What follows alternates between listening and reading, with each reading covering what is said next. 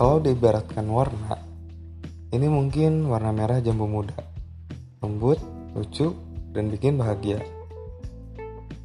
Begitulah perasaan saat menikmati obrolan denganmu. Meski hanya melalui chatting, namun sungguh aku bahagia. Aku menikmati pembicaraan yang sejujurnya terkesan kaku. Bagaimana tidak, aku harus menenangkan diri untuk membalas chatmu.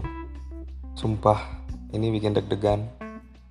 Kalau kau pernah menanti momen pengumuman juara di sebuah lomba, barangkali ini lebih deg-degan dari itu.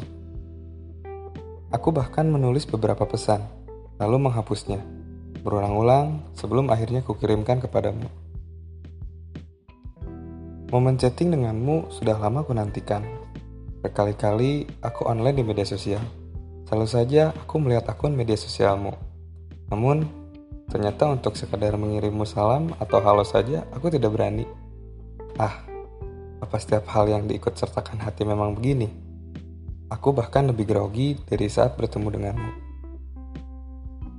Bingung harus mulai dari mana. Padahal kalau chat dengan teman lainnya, aku malah biasa saja. Santai sekali malahan. Apakah jatuh hati selalu membuat orang-orang seperti ini? Takut melakukan kesalahan. Menulis chat dan untukmu membuatku harus berpikir lebih, mencari kalimat yang kupikir tepat. Padahal, kalau dipikir lagi, sebenarnya tidak ada yang perlu ditakutkan. Namun ya mau gimana lagi? Proses jatuh hati memang agak sulit dimengerti. Orang yang tadinya cerewet bisa saja tiba-tiba menjadi pendiam. Orang yang tadinya suka chat panjang-panjang bisa kehilangan kalimat yang ingin dituliskan. Apa semua orang merasakan hal seperti ini? Atau hanya aku yang terlalu membawa hati? Yang pasti, bagaimanapun deg-degan chatting denganmu. Tetap saja, ini hal yang menyenangkan. Namun, selalu ada hal yang kadang bikin nyesek.